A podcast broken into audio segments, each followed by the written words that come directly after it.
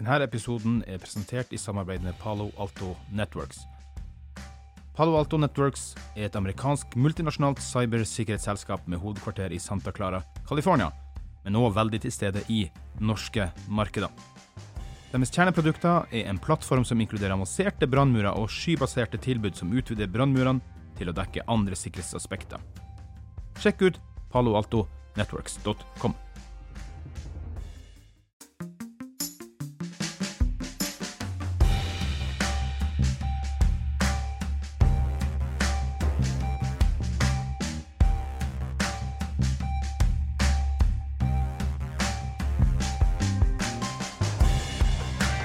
og velkommen til en ny episode av SMB Norge-podkasten.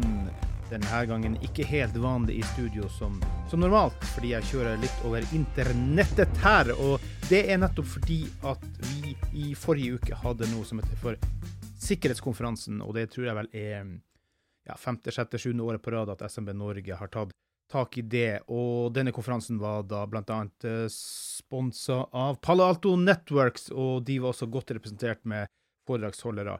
Men det var også du, Gøran Tømte, cyber security specialist, og du holdt også et innledning. Du gikk litt tomt for tid, så jeg skal gi deg sjansen til å fortelle andre ting, da. Men du liker å kalle deg for Hva er det du kaller deg for, den tittelen du egentlig kaller deg sjøl for? Zero Trust Soldier. Zero Trust Soldier, ja. En god soldat. Vet du å hvile når du trenger det? Som en god soldat? ja vel En gang iblant, i hvert fall. Ja. ja. Nei, det jeg tenkte var at vi skulle ta, kjøre en liten oppsummering av konferansen, og så kjører vi litt generelle sikkerhetsperspektiver underveis i det opptaket her, da. Og litt også sånn så folk til neste år kan vite hva de kan melde seg på. fordi at det var en veldig bra konferanse. Vi må begynne der, Gøran. Mm, absolutt. Eh, bra jobba for, med både først og fremst lokasjon, spennende å ha det på Stortinget. Mm. Eh, og nummer to, jeg tenker når du får det på Stortinget, så har du òg muligheten til å få inn folk på, på kort varsel, nærmest, som har eh, f.eks. justisministeren, da. Mm. Så meget bra. Veldig spennende og, og, veldig kult å høre de personene med de rollene si ganske viktige ting. Det er bra. Ja, og det kan vi jo nevne at uh, da godest Emilie Enger Mehl, altså justis- og beredskapsminister, um, var og holdt en innledning der. Hun hadde tid til et kvarter, men hun brukte faktisk en halvtime på oss. Det skal hun faktisk ha skryt for. Skal si noe annet som ikke jeg syns var så bra. men Det kommer vi tilbake til. Og så var eh, stortingsrepresentant Christian Tybring-Gjedde fra Frp holdt en liten innledning der. Himanshu Gulati, som pleier å være den som inviterer oss inn der, han var dessverre og tok en pris i London, så han kunne ikke vært til stede.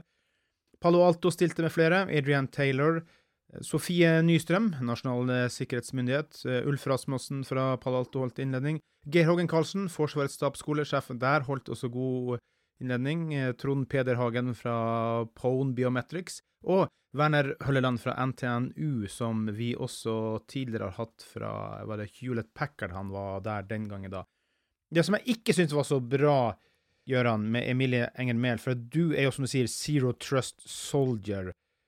Og jeg prøvde jo å pushe deg frem, da, for å ha tid til et par spørsmål, men Zero Trust, unnskyld uttrykket, det visste hun pokker ikke hva var engang. Er ikke det litt skremmende? Og skal vi, du også få lov å forklare hva Zero Trust er for, men, men hva, hva, tenker du med det utgangspunktet? Ja, nei, Det ble litt oppstyr rundt det. Det var ikke planlagt fra min side å stille det spørsmålet, men det var jo noen bak i rommet som utfordra meg til å spørre. Det var meg! Det var meg. det var deg, ja, det var deg. Så da stilte Emilie Enger Mehl spørsmålet om hun var kjent med Zero Trust, og da står det som et stort spørsmålstegn nå. Mm. Det er dårlig gjort å skyte Emilie for det, men, men det er klart at cyber security er jo en, en viktig ting for Norge. Mm. Alle er klar over at dette her er en, eh, en overhengende trussel for mange kritiske samfunnsfunksjoner. Ja.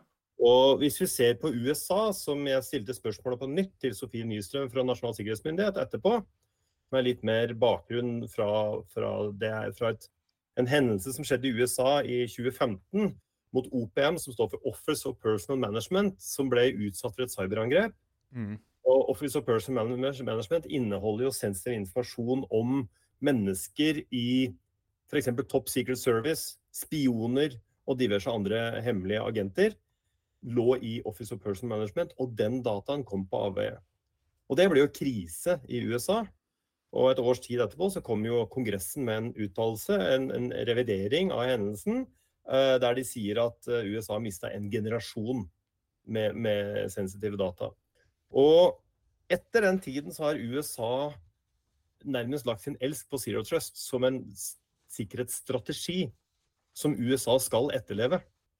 Og Sofie Nystrøm kjente jo godt til uh, Zero Trust av flere grunner. Bl.a. pga. strategisk samarbeid med USA. Men Emilie Enger Mehl hadde ingen peiling på Zero Trust. Og det, det kan jo hende at det skyldes at Norge i sin helhet har jo ikke strategisk gått ut og satsa på Zero Trust. Og Da er det heller ikke naturligvis blitt diskutert på kontoret til justis- og beredskapsministeren. Så skal jeg bli skremt over det? Nei, Altså, Det er nok andre som bør ta det viktigere. og det er noe, NSM er klar over det, og de jobber med det. Mm.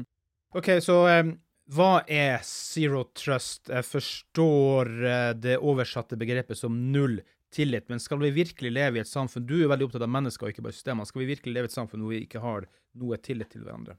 Så det er jo mange som har misforstått det her. og det er jo, Jeg forstår det, for at begrepet er ganske brutalt. Uh, men det er jo som du sier, det menneskelige aspektet, du og jeg og, og, venner og kjente og familie og like ting, vi skal jo naturligvis stole på hverandre. Vi skal stole på mennesker. Eh, til en viss grad, da, må sies. Og det er noe som heter han, den der, han der og den personen vil jeg gå i krigen med, som betyr en du har min fulle tillit, og jeg har full tillit til deg. Så det menneskelige aspektet er én ting. Men bakgrunnen for Zero Trust stammer jo fra forskning eh, i 2009 og 2010, når John Kindervag jobba i Forest Research og fikk i oppgave å finne ut om det fantes noen fellesnevnere mellom alle suksessfulle dataangrep som eksisterte. Mm. Alle hadde jo sikkerhetsteknologi og sikkerhetssystemer. Allikevel så skjedde jo sikkerhetshendelser. Og etter litt forskning av John Kindervag og Teams, så kom de ved konklusjonen Zero Trust. Det vil si at legges, mennesker legger altfor mye tillit inn i datasystemer. En ting er at vi mennesker har tillit med hverandre. Men når vi tar med oss den emosjonelle tilliten ned i datasystemer, så gjør vi datasystemene ekstremt sårbare. Så det er i datasystemene man skal ha null tillit. Skal ikke ha tillit til at den serveren er min, og den står i mitt datasenter, og pga. det så er det helt OK, for det er bare vi som skal bruke den serveren.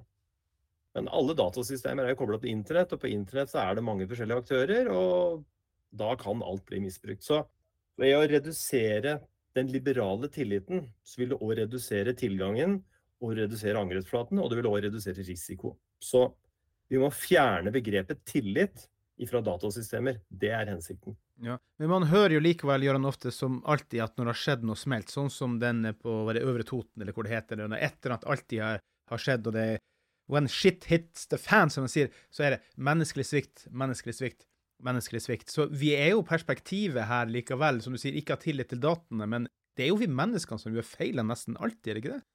Jo. Og min første slide i presentasjonen på Stortinget der, den sa jo 'suksessfulle hendelser skjer i tillatt trafikk'. Mm. Og fellesnevneren for alle hendelser vi ser i media, nå nylig DSS, departementene eh, det har jo, Nå er jo Cisco-sårbarhetene som har herja. Citrix er jo kontinuerlig der. VMware har jo vært i vinden. Det er mange produsenter som har software-teknologi som er sårbar, og så blir det katt og mus å jage etter de sårbarhetene og fikse de sårbarhetene.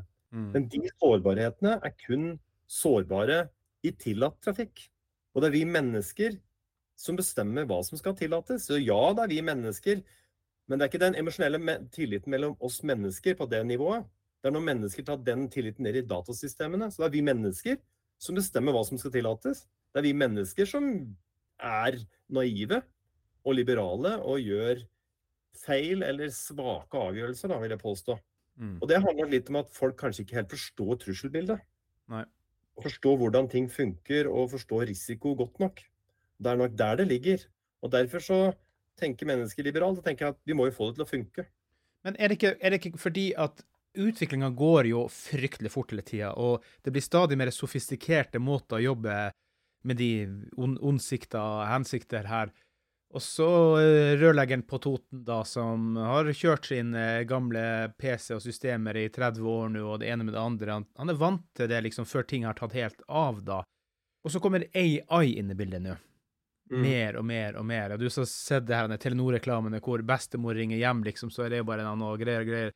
Altså, Kan bedrifter og næringsliv i det hele tatt henge med og overleve sånn næringsliv hvis man ikke klarer å nå ta grep og beskytte seg bedre digitalt enn det man har gjort til nå? Er det kan den digitale sikkerheten kjøre business game over? Var det ikke en bedrift nå som var konkurs, eh, mista inntekter for 35 millioner? Var ikke det en rørleggerbedrift?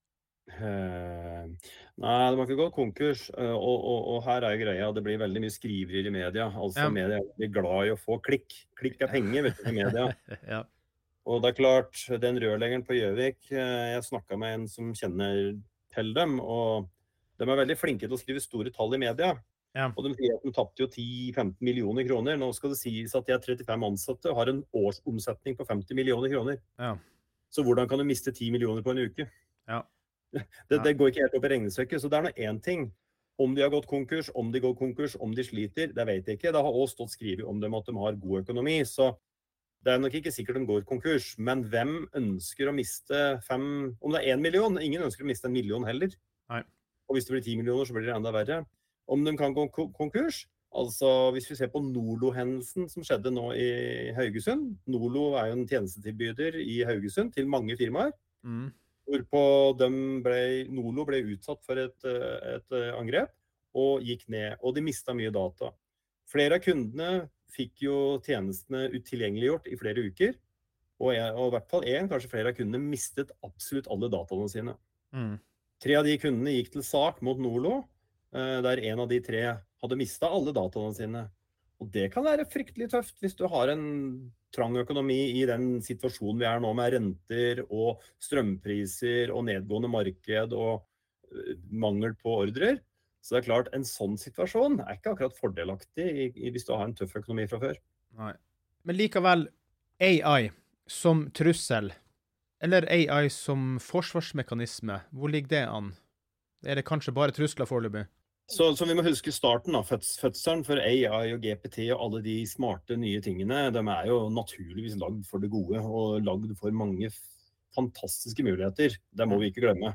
Um, det, mange, det, har vært mye skriveri, så det er mange som er redd for det, for at dette er skummelt. Ja, det er skummelt. Og det er skummelt hvis du skal bruke det for, snille, for, for den snille hensikt òg. Du kan jo gjøre feil og, og tabber og i det hele tatt. Så, men, men, men vi må huske på at det er lagd for det gode. Det er lagd for store muligheter. Det er lagd for forretningsmessige muligheter. Det er lagd for store fordeler. Men det er klart, når noe lages og offentliggjøres, så kan det òg misbrukes av dem som ikke har så gode hensikter. Og da Ta f.eks. GPT vil jo forbedre phishing. Ja, OK. Ja, ja. Mm, riktig. Ja, for, for, for, de slemme så vil phishing kanskje bli bedre for de slemme. Og det blir verre for oss, da. GPT kan nå brukes til å utvikle kode, skadevare, skadevare. Mm. AI, som har mange gode hensikter, som har enorme forretningsfordeler, kan også misbrukes til større angrep osv. Så, videre. så er vi sjanseløse? Nei da, vi er ikke det. Vi er ikke det.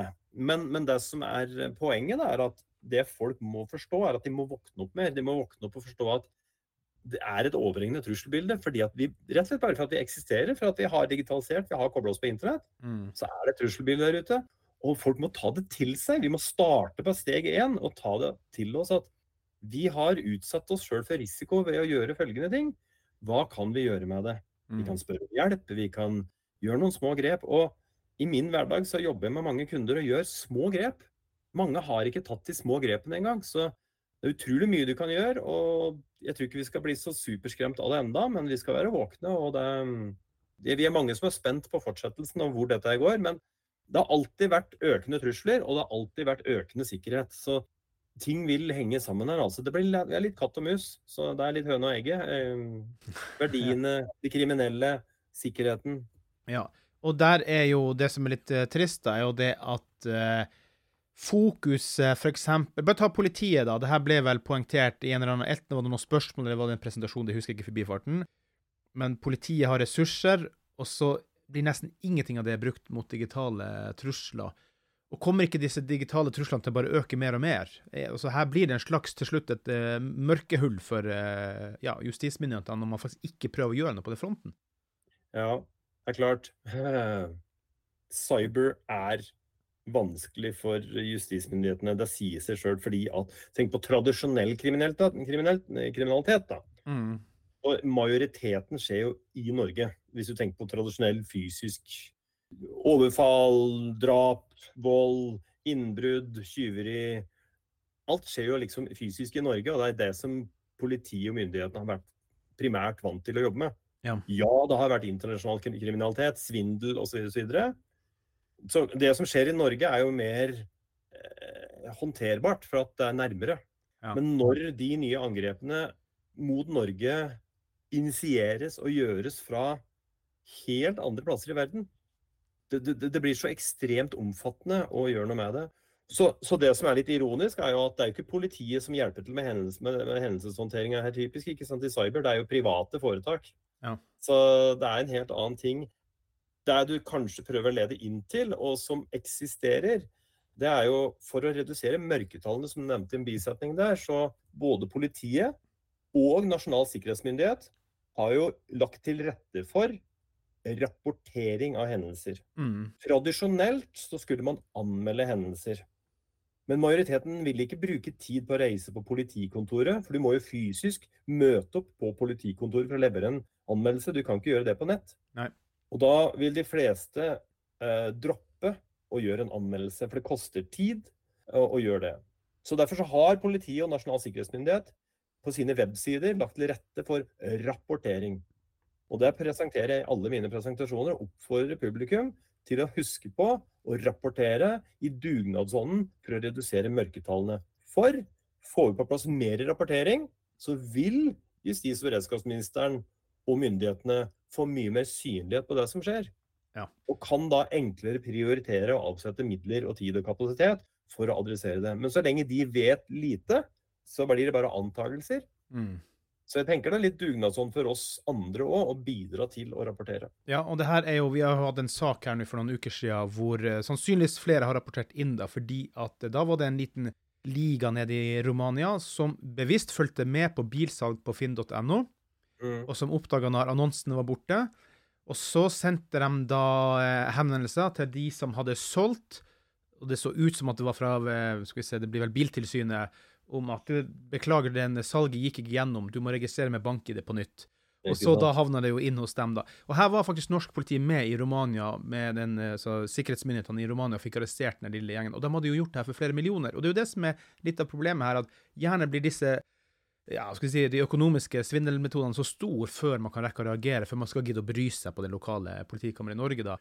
Men det er i hvert fall bra at det er mulig å reagere på eh, på det. Og én ting da som jeg stussa over den dag i dag under eh, konferansen, det var da at phishing, altså click rate på phishing, altså det at man sender og Mye av det er også dårlig skrevet noen ganger at det er helt vilt, men jeg regner vel med at det er mer sofistikerte, med AI blant annet. 25% klikker enda. Og er ikke det ganske viktig å få frem, Gøran, at ikke skjul det at du dreit deg ut. Det må være mye viktigere for samfunnet og for bedriften din at du faktisk innrømmer at du har gjort det. For det er mange som har gjort det både høyt og lavt.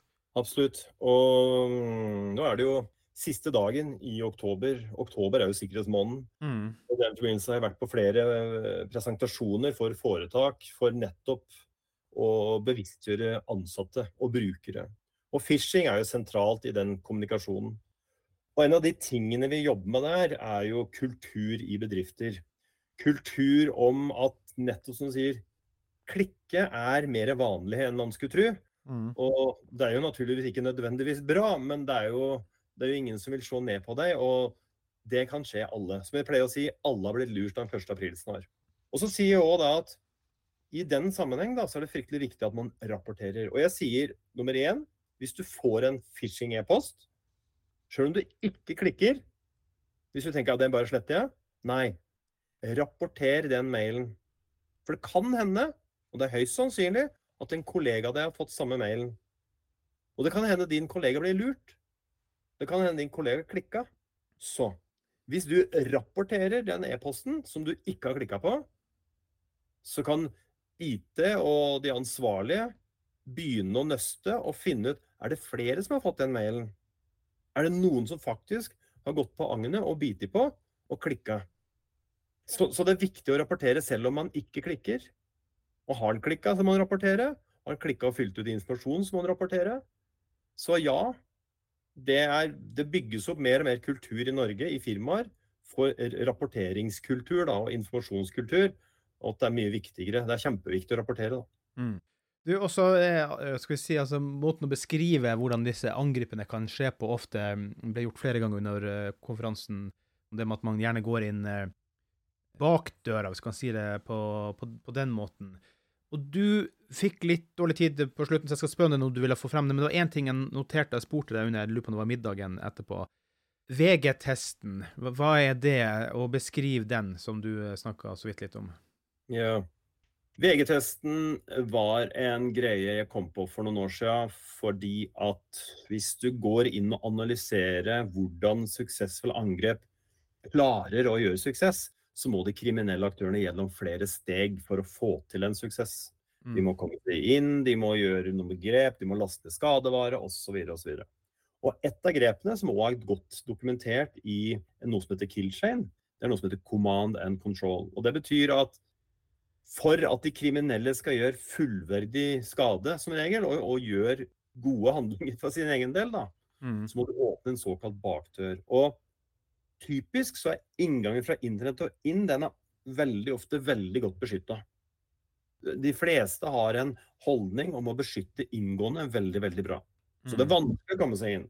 Og hvis de kommer seg inn, så er det typisk en software-sårbarhet eller manglende tofaktorautentisering som er de to mest vanlige. Men når de først har kommet inn, så ønsker de kriminelle å etablere en permanent forbindelse, slik at de kan fortsette å jobbe der når den sårbarheten eventuelt blir fjerna. Det kalles en bakdør, eller command and control. VG-testen har til hensikt VG-testen er relevant på servere. Det må poengteres. Ja. Mm. Ikke på din vanlige når du går i Google nettsøk osv. Det er ikke det du snakker om? Nei. nei, nei. Og, og, og, og jeg sier at jeg sier ikke at det er farlig å surfe på VG. Jeg sier at hvis du kan surfe på VG fra serveren din, så er sikkerheten for dårlig. Og det her er noe som er fryktelig enkelt å teste. Det er derfor det har blitt såpass populært for det er så ekstremt enkelt å teste det. Du går inn på domenekontrolleren din, du går inn på backup-serveren din, du går inn på databasen din, du går inn på print-serveren din, og så tester du med browser og åpner VG. Mm. Og alle som har fått tre minutter på å tenke på dette, her, skjønner VG-testen. Og når de da får åpna VG, så blir folk urolige og skjønner at shit, her har vi en alvorlig sårbarhet. Og det går på at hvis du kan surfe på VG, så er mest sannsynlig utgangsdøra, kommunikasjonen ut fra serveren, er mest sannsynlig liberal og helt pip åpen ut mot internett. Mm. For det har ikke mennesker tatt til seg, det trusselbildet at uvedkommende kan komme på innsiden. Og når du ikke har tatt til i det, så lager du heller ikke barriere på innsiden som om uvedkommende er på innsiden. Nei, du, du tenker jo at det er lost allerede fra utsida, sant? Du har tenkt at på innsiden så er vi bare venner. Ja. På mm. innsiden så er det bare vi. Mm. Og vi er venner, og vi gjør ikke noe slemt, så derfor skal vi være liberale. Men i dagens trusselbilde så kommer det kriminelle seg på innsiden. Gang på gang. Og hvis vi ser på de store, alvorlige angrepene, så er det liksom det fellesnevneren. Kriminelle har vært på innsiden. Østre Toten kommune fikk fire millioner kroner i bot fra Datatilsynet pga. personvernbrudd. Mm. Spesielt om sensitiv informasjon om barn som kom på avveie. Hadde det vært mulig uten uvedkommende på innsiden? Lite sannsynlig. Nei. Og, det, og der er en ting Gøran Tømte som jeg også fikk med meg på konferansen. Det var det at noen ganger så går altså, Som jeg sier, det er mye sånn phishing som altså, du leser med en gang og skjønner at OK, her er ikke det norskspråket riktig engang. Men det fins mye sofistikert eh, hackevirksomhet likevel, da. Så noen ganger ligger de på innsida i månedsvis og samler informasjon før det skjer noe. Før du oppdager at de har vært der en gang. Og det er ganske scary hvor mye de kan ha henta ut før de begynner å skru til eh, ja, stikka. Ja, altså Norfund-hendelsen som skjedde, eller var det i 2017, mener jeg. Norfund ble jo da utsatt for et angrep der det gikk ut 100 millioner norske kroner mm. til en feil konto i Mexico. Mm. Og de penga er borte. Mm. Og det var jo et resultat av at de hadde ikke tofaktorautentisering på sin e-postløsning. Noe som òg var påpekt i en revisjon, jeg tror det var Riksrevisjonen som hadde gjort en revisjon i forkant. Men Norfund hadde ikke fått på plass tofaktor allikevel. Så de kriminelle kom inn med brukernavn og passord. De var inne i e-postsystemet i sju måneder. Wow. Og I begynnelsen så var de bare der, og de bare lytta og de så, og de fulgte meg på sjargongen i e-posten og dialogen og kommunikasjonen. Mm. De gjorde ingenting i flere måneder. Men så begynte de å kommunisere. Og det de gjorde da, de sa at vi har endra kontonummer. Ja. Og mottakeren av mailen visste Så at det er jo kollegaen min som sender den melding, eller det er den leverandøren som sender den meldinga. Så de hadde hatt kommunikasjon med den personen i flere måneder.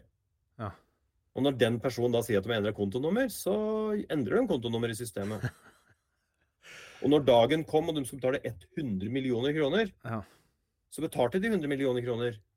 Og grunnen til at de oppdaget det, var ikke digitalteknisk, at de hadde digitale sikkerhetssystemer som oppdaga det. Nei, det var mottakeren sa at du, hvor er penga mine? Ja. Jeg har akkurat overført dem. Nei, jeg har ikke fått noen penger. Og Oi. da fant de ut at penga var gått til feil konto, og da måtte de gå inn og etterforske. Og da kom de sju måneder tilbake igjen. ja. Da henger du i fettfatet. Den er tøff å komme seg ut av. Ja, penga, de norske, det er norske penger. Norske stat sine penger er borte. 100 millioner kroner er borte. Mm. Fordi at noen har neglisjert viktigheten av tofaktorautentisering. Ja. Du, ta det, Gøran. Du prater mye om det med tofaktor eh, Jeg kan ikke hele begrepet engang, da. Men si nå at jeg er så dum som jeg er, faktisk. Forklar for meg, så at også enkle lyttere kan forstå. Hva er det du mener med tofaktor-autentisering, og hvor, Ja. hvorfor det er så viktig? Så i alle år, når vi skal gjøre tilgang til en tjeneste, e-post eller er det, Facebook eller hva nå enn vi skal nå, da typisk på internett, så har vi et brukernavn som typisk er mailadressen vår, Mm. og så har vi et passord. Og passord er liksom De to tingene er jo liksom i kombinasjon nøkkelen for å komme inn til din tjeneste, din verdi. Ja, og det er veldig mange som har eh, 1, 2, 3, 4, 5. Det er ganske mange som har veldig enkle passord. Passord er et passord. Ja. 1, 2, 3, 4, 5, 6, 7, 8 er et passord. 1, 2, 3, 4, 5, 6 er et passord. Ja. Og du ser statistikkene, altså. Det er eh, Statistikk blir gjort på det her, og det er jo enkle passord. Ja. Og det er en sannhet, og det er en virkelighet, og det er en realitet. Og der vet de kriminelle å misbruke. I tillegg så har de òg verktøy for å prøve forskjellige andre verktøy. eh, som, som kan lure, lure, lure, komme seg inn, da. Det kalles brute force å bryte seg inn, da. Mm. Men når du skal til din bank, eller ditt forsikringsselskap, eller du skal inn på Vegvesenet, eller du skal inn på eh, skatteetaten, Altinn, hva er det du bruker i tillegg for å komme inn der, eh, Klaus? Ja, da er jo bank-ID. Da er det bank-ID. Og hvor er bank-ID knytta? Ja, mot banken, selvfølgelig. Ja. Jeg vet ikke hvor du vil jeg skal virke her nå. Den, den er, den er Og den, jeg spiller rollen, jeg spiller rollen, det går fint. Den, den er, den er knytta til din telefon. Ja, selvfølgelig. Selvfølgelig. Så det her er gjort på en veldig sikker måte for å verifisere at din telefon er mye Du husker sikkert når du aktiverte det. Det var ganske mye fram og tilbake med banken. Mm. Med koder og bekreftelser. Jeg tror det er en seks, sju, åtte steg ja, som du må gjøre for å aktivere og knytte din personlige telefon mot din, ditt personnummer. Mm. Så når du skal inn i banken, hva er det du må gjøre? Du må ha inn personnummeret ditt. Mm. Hva er det som skjer da? Jo, du får en melding på telefonen din som er bank-ID. Ja. Så må du si OK og si at ja, det er jeg som prøver å logge inn på banken min. Så får du melding av banken din der du må taste inn ditt personlige passord. Mm. Det kalles multifaktorautentisering. Du har flere faktorer. Du har flere steg for å komme inn. Ja, så det er egentlig mer enn to faktor, det, da. Ja, det er mer enn to, ja, tofaktor, multifaktor. Det er ikke helt det samme, men for å ikke gjøre det for komplekst, så det, er- du må ha mer enn brukernavn og passord. Er vel kort fortalt eh, greia. For at mennesker skal forstå. Og jeg, jeg bruker bank-ID, for alle kjenner bank-ID. Alle Mm. har bank-ID. Alle har et forhold til bank-ID. Og hvis folk tenker 'hvorfor har vi bank-ID på banken'? Mm. Nei, men De kan jo kutte ut så du bare har brukernavn og passord. Det verste er at jeg tror mange ville sagt ja takk. Mm. og det er veldig skummelt, da. Så myndighetene gir ikke brukerne noe valg. Du blir tvinget. Myndighetene gjør egentlig det en kjempetjeneste. Mm. Så myndighetene tvinger deg til det, men for alle dine private tjenester, på Facebook, på din mail, Instagram, Snap, TikTok, Mm. Alt det andre, det er ditt personlige ansvar. Og hvis du driver en bedrift, da, ettersom dette er SMB Norge, hvis du er daglig leder, hvis du er styreleder og du driver en bedrift, så må du snu på det og tenke hva er de viktigste verdiene vi har som bedrift? Mm. Vi har regnskapssystem, vi har e-post i skyen, og myndighetene vil ikke ta ansvaret for det der. Du må ta ansvar, kjære kunde. Mm. Hvis du har regnskapssystem i skyen, så er det ditt ansvar, kjære kunde, å sikre det regnskapssystemet. For det er din verdi. Så flere faktorer for å logge på er ekstremt viktig, fordi at mennesker er enkle, og mennesker typisk bruker det samme mailadressen og det samme passordet på mange tjenester. Mm. Og den kombinasjonen må vi bare anta at er på avveie, fordi at den kombinasjonen eksisterer mange steder. Og det er mange steder som har hatt innbrudd, og data lekket fra seg. Du har ikke gjort noe feil, men det stedet som du har en konto, er kanskje ikke hatt sikkerheten på, på topp. Og informasjon om din konto har kommet på avveie. Og hvis det er skomakeren på hjørnet, og du har den samme kombinasjonen inn på e-posten din i Office 365, så er det veldig enkelt for de kriminelle å komme inn på din e-postkonto.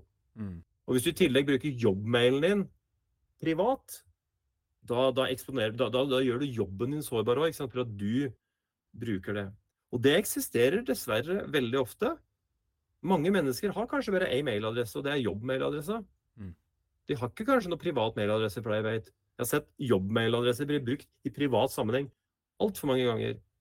Og hvis du bruker da samme kombinasjon mail og passord både privat og på jobb, da begynner det å bli sårbart, altså. Ja, Du har jo også det med at vi, de fleste som, hvis de har mobilen eh, fra jobben, også blander jo alt mulig privat inn der òg. Sånn at det er jo mye gråsoner som forsvinner bort der. Men du nevner et ord der nettopp, eh, Gøran. Skyen, altså cloud.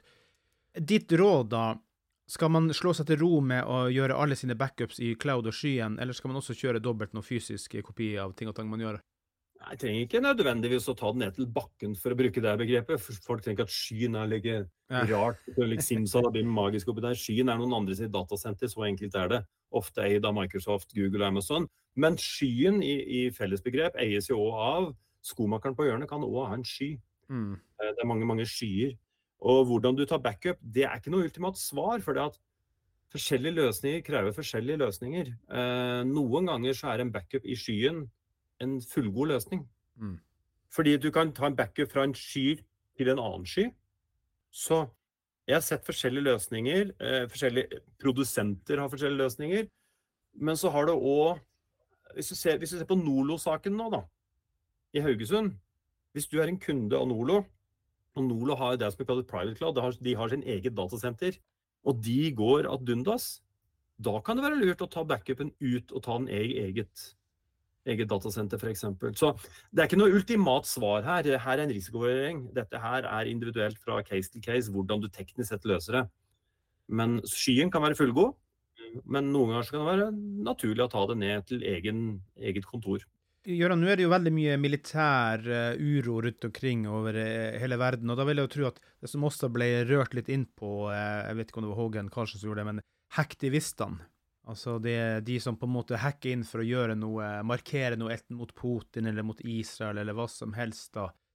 Hva Altså, hvor skal man være i næringskjeden for å frykte de? Er det bare militære leverandører, eller eh, kan også andre bli berørt av det her?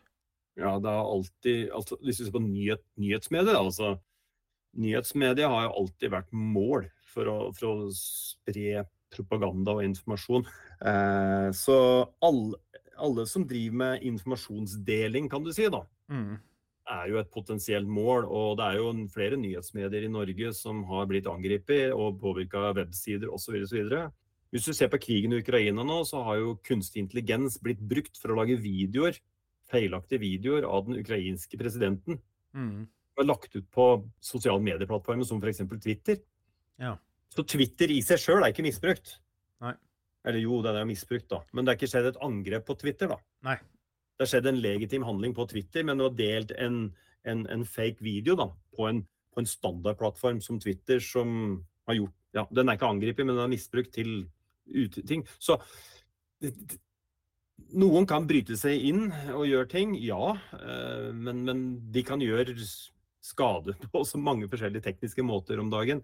Eh, så, og den AI og den videoeksempelet med den ukrainske presidenten, det er ganske scary. For vi må huske på at internett, hele verden, er tilgjengelig på kryss og tvers på millisekunder.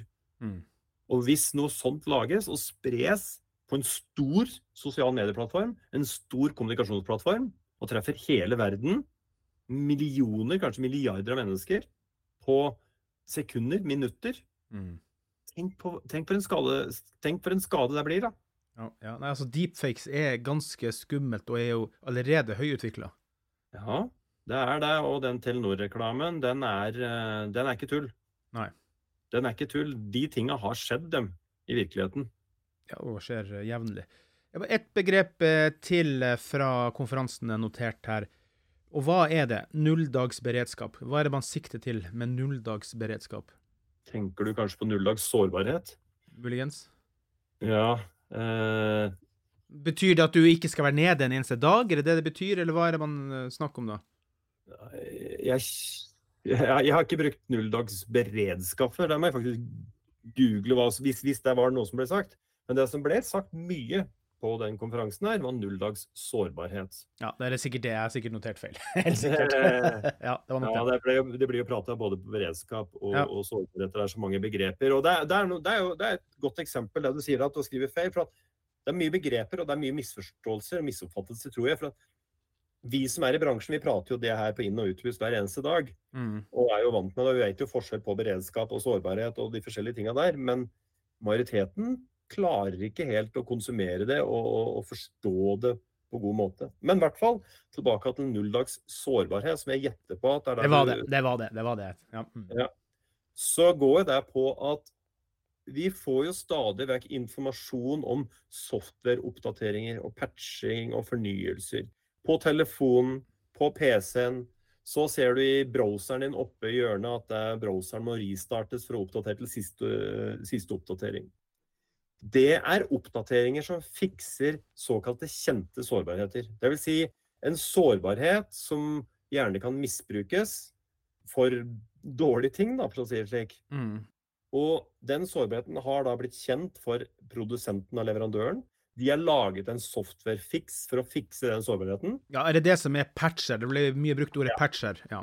Patcher, oppdateringer osv. Mm. Og da må du installere den, og noen ganger må du ristarte PC-en og telefonen og browseren osv. Den er grei. Den er, den er, på en måte håndterbar. Eh, problemet er bare at når det annonseres, så er det ikke bare vi som er snille som vet om det og må forte oss å oppdatere. Da vil også de kriminelle vite om det og kan begynne å lage våpen for å misbruke de sårbarhetene. Derfor er det ekstremt viktig at mennesker oppdaterer så fort som overhodet mulig. Mm. Det er veldig viktig. Nulldagssårbarheten går ut på at det har blitt oppdaget en sårbarhet som blir misbrukt. F.eks. DSS og de tolv departementene. Mm. Så var det nulldagssårbarhet. Det vil si det var en sårbarhet som på det tidspunktet ikke var kjent for produsenten. Produsenten var, det var nytt for produsenten at den sårbarheten eksisterte. Og de måtte da starte å lage en oppdatering, en fiks for den sårbarheten. I den perioden til de får laget den fiksen, så er den sårbarheten der ekstremt kritisk. Fordi at det er ikke noe fiks på den. De kan ikke software-oppgradere den. I den perioden der så vil det heller ikke være smart å informere i markedet om den sårbarheten. For hvis man informerer for det gode for alle mennesker som er snille, så vil man òg informere de slemme. Mm. Og da har du et problem hvis de slemme får vite om en nulldagsjobberett, for da kan de legge full innsats i å finne ut hvilke verktøy skal utvikle for å misbruke den sårbarheten. Ja. Problemet er jo at den sårbarheten Er du heldig, så blir den sårbarheten oppdaget av snille.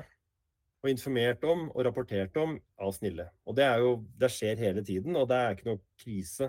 Men når det blir oppdaga misbruk av en sånn en, slik som det skjedde for DSS, på et tidspunkt der det ikke eksisterer da er det kritisk. For da sitter det faktisk kriminelle aktører og vet om sårbarheten, og allerede har starta å misbruke sårbarheten og da er det kritisk. Mm. Exchange-sårbarheten som var på Stortinget, nulldagssårbarhet. Mm. Altså, det har, vært, det har, vært mange i det siste, det har vært mange nulldagssårbarheter. Og det sier bare litt om kompleksiteten vi står overfor på internett. Vi digitaliserer mer og mer. Vi får mer og mer systemer. Vi får mer og mer angrepsflater. Vi får mer og mer sårbarheter. Og vi vil naturligvis få flere nulldagssårbarheter. Mm. Og da er jeg tilbake til det vi starta med Zero Trust. Og det er at jeg mener at den beste måten vi kan sikre oss på, er å anta. Vi må anta mye mer. Vi må anta mye mer ille ting. Vi må anta at brukerne har passord på AB. Mm. Vi må anta at vi er sårbare med kjente sårbarheter. Vi må anta at vi har nulldagssårbarheter. Vi må anta at de tingene her er misbrukt. Mm. Vi må anta at uvedkommende er inni systemene våre. Må alle de fæle antakelsene, så må vi begynne å tenke hva skal vi gjøre med det? Og da kommer Zero Trust inn som en ekstremt viktig sikkerhetsstrategi og holdning. Mm. For du må stramme ned tilganger. Du må begrense hva som er tillatt, også på innsiden. Du må følge med på logger. Du må, du må, du må vise oppmerksomhet til det som skjer. For suksessfulle hendelser skjer i tillatt trafikk. Ja, og suksessfulle mener du da at de har kommet seg inn?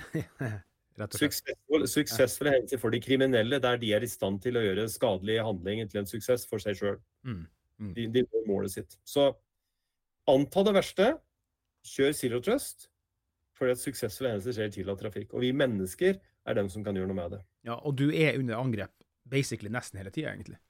Vi er alltid under angrep. Er, alle er alltid under angrep. Det er jo aldri noe tvil. Alle har sikkerhetsteknologi, og den sikkerhetsteknologien gjør så godt den kan. Og sikkerhetsteknologien stopper angrep kontinuerlig. Mm. Så, så, vi er kontinuerlig under angrep. Absolutt alle i hele verden er kontinuerlig under angrep. Mm. Men fordi at vi har sikkerhetsteknologi, så blir majoriteten stoppa. Men det er, skyter du nok, så kommer noe gjennom. Ja, Det var noe du viste bilder på, det med mitriljøsen og de som er sofistikert, eh, skyter på blink. Ja. Så, ja. Altså, vi skal, ta, hvis det, vi skal gå inn for landing snart, her, men hvis rørleggeren på Toten eh, lytter nå, og han åpner PC-en, og så ser han sånn dødning i hodet ja. hva, er, hva, er, hva, er, stegen? Hva er det aller første man må gjøre når man har skjønt at man er under angrep som man ikke må ha kontroll på? Så anbefalingen er faktisk før, altså nå, før alle som ikke har fått angrep nå, skal gå inn på Næringslivets sikkerhetsråd sine websider mm og laste ned noe de har lagd som heter nødplakat. Næringslivets sikkerhetsutvalg har lagd en, en, en, PDF, en fil, som du kan printe ut og henge på kontoret ditt, som har til hensikt å være der klar for å brukes den dagen du får en hendelse. Mm. Og det som står der, er en one-pager som sier hva er det du skal gjøre når du får deg dødninghodet på PC-en. Skal du ringe politiet? Ja, det skal du kanskje gjøre. Skal du ringe Datatilsynet? Ja, det kan hende du skal gjøre. Og så står det òg en liste over i dag de seks godkjente hendelseshåndteringsfirmaene, de som er godkjent av Nasjonal sikkerhetsmyndighet, som er anbefalt å ringe for å få bistand til hendelseshåndtering. Så hva skal en gjøre? Start med den nødplakaten. Mm. For der vil det veldig kortfatta beskrives hva du må gjøre. Mm. Hvem du må ringe politiet for du må anmelde. Mm. Det er én ting. Men politiet vil ikke gjøre så mye for deg, og det er ikke deres jobb heller. Mens de som driver med hendelseshåndtering, vil være der for å hjelpe deg. Mm. Så nødplakaten, last ned den. Bli kjent med den. Ha den gjerne på kontorveggen. Eh, ha, ha, den i nærheten. Eh, og jeg ble jo kontakta i forbindelse med hendelse hos en kunde, og da bare nødplakaten med en gang. Mm. Og de tok til rådet mitt, sa jeg at jeg skal ikke favorisere noen av de seks som står der. Jeg vil anbefale å ringe en to-tre stykker av dem. Spørre om tilgjengelighet. Når kan du hjelpe oss? For at de er mennesker, og de er firmaer, og de har mye å gjøre. Og det er ikke alle som kan hjelpe deg på minuttet. Nei. Og Da spørs det hvor mye det haster for deg, og nummer to, hvor mye koster det. Ring mm. en to-tre stykk og spør når kan du hjelpe, hvor mye det koster. Og Det gjorde den kunden og ringte noen og fikk eh, pris. og Den ene kunne ikke hjelpe raskt, den andre kunne hjelpe mye raskere. og Da var valget enkelt for dem. Mm. Hva vil du si, eh, sånn uh, oppsummering, er det noe annet du ville ha fått frem fra den flotte sikkerhetskonferansen, og som gjør at folk vil tenke yes, hvis, neste år skal vi i hvert fall melde oss på? Hva, hva vil du trekke frem ting, eller er det noe vi har utelatt her nå? Altså, Vi lever i en verden som er kontinuerlig utvikling. Det, det, det, kunne, det kunne jeg sagt om det intervjuet med for 10 år siden, eller 20 år siden. Ikke sant? Så det, det er ikke noe nytt. Men det er allikevel kjempeviktig å ta til seg at pga. kontinuerlig utvikling så trenger vi òg kontinuerlig utvikling av oss sjøl. Mm. Og oppdatering og kompetanseheving. Så det er å være ydmyk. Ydmyk i den verden her og tenke at vet du hva her kommer de menneskelige tingene som du er opptatt av, at de det menneskelige aspektene eh, ved alt. Du er veldig opptatt av mennesket, du. Ja, ja, ja. Vi, folk må faktisk velge å sette av tid til sånne samlinger. For å lytte til eh, det siste. Lytte til trender. Lytte mm. til tips og triks og råd. Uh, og lære. Vi må lære hver, en, hver, eneste dag. Vi må faktisk da. Så det, det, er, ikke, det er ikke noe å komme unna. Så det å, å, å stikke inn hit med en ydmykhet og en åpenhet og tenke at i dag skal jeg lære noe. i dag jeg skal lære noe som jeg kan ta med hjem som gjør at vi blir bedre, vi blir sikrere. Vi, vi, vi, vi sover bedre om natta framover. Da. Mm. Jeg tenker delta på slike eventer. For dette er eventet med meget bra foredragsholdere. Mm. Så mm, veldig relevant når du får en direktøren i Nasjonal sikkerhetsmyndighet, du får justis- og beredskapsministeren, Geir Hågen Karlsen fra Forsvaret. Kjempebra presentasjon som gir litt om verdenssituasjonen og verdensbildet. Mm. Eh, så ja, absolutt. Det er viktig å delta, og dere representerer SMB Norge, eller representerer SMB på en måte. Mm. Er klart, SMB trenger hjelp. Ja. Og det, mange, mange, kan tenke at nei, det er jo cyber, og det er jo Nei, dette har jeg, har jeg ikke peiling på. Reis på det. Lytt. Forstå hvordan de tingene her kan påvirke din lille bedrift. Mm. Selv om du ikke har peiling på det, så at, snu på det, at du ikke har peiling på det, er jo enda større grunn til å delta. Ja, uten tvil. Gøran eh, Tømte, hvor er det våre lyttere kan finne deg og dine tjenester? Jeg har min egen webside. Da. Det er gorantomte.no. Der har jeg min webside. Der prøver jeg å synliggjøre hva jeg holder på med. Og der har jeg òg tilgang til en blogg som jeg prøver å skrive i flere ganger i uka om forskjellige ting. Eh, nå sist har jeg skrevet om tjenesteleverandører og, og kjøp av tjenester som en alvorlig sikkerhetsrisiko. Mm. Og det tror jeg veldig veldig mange SMB-bedrifter Majoriteten av SMB-bedrifter kjøper sikkert tjenester. Og de gjør det gjerne uten risikovurdering. Mm og, og hu, er struts og stikker huet i sanden og tenker at det går sikkert bra. Vel, nå har vi sett Nolo, nå har vi sett Inventum på Gjøvik som gikk ut over rørleggeren. Det har vært fire eller fem hendelser med tjenesteleverandører i Norge på kort tid nå. Mm. Så store konsekvenser for bedriftene som er kunder av tjenesteleverandørene. Så ja, på websiden min finner du informasjon. Der er det artikler. Der er det også link til bloggen min. Eh, og så er det så klart LinkedIn. Eh, hvis folk vil, så er det naturlig bare å hooke opp på LinkedIn. Enten følge med eller connecte med så finner han mer ut hva jeg driver med. Det jeg driver med, er rådgivning. Jeg driver med risikovurdering, og jeg driver med optimalisering av sikkerhet på den teknologien du allerede har. Selger ikke produkter, produktuavhengig.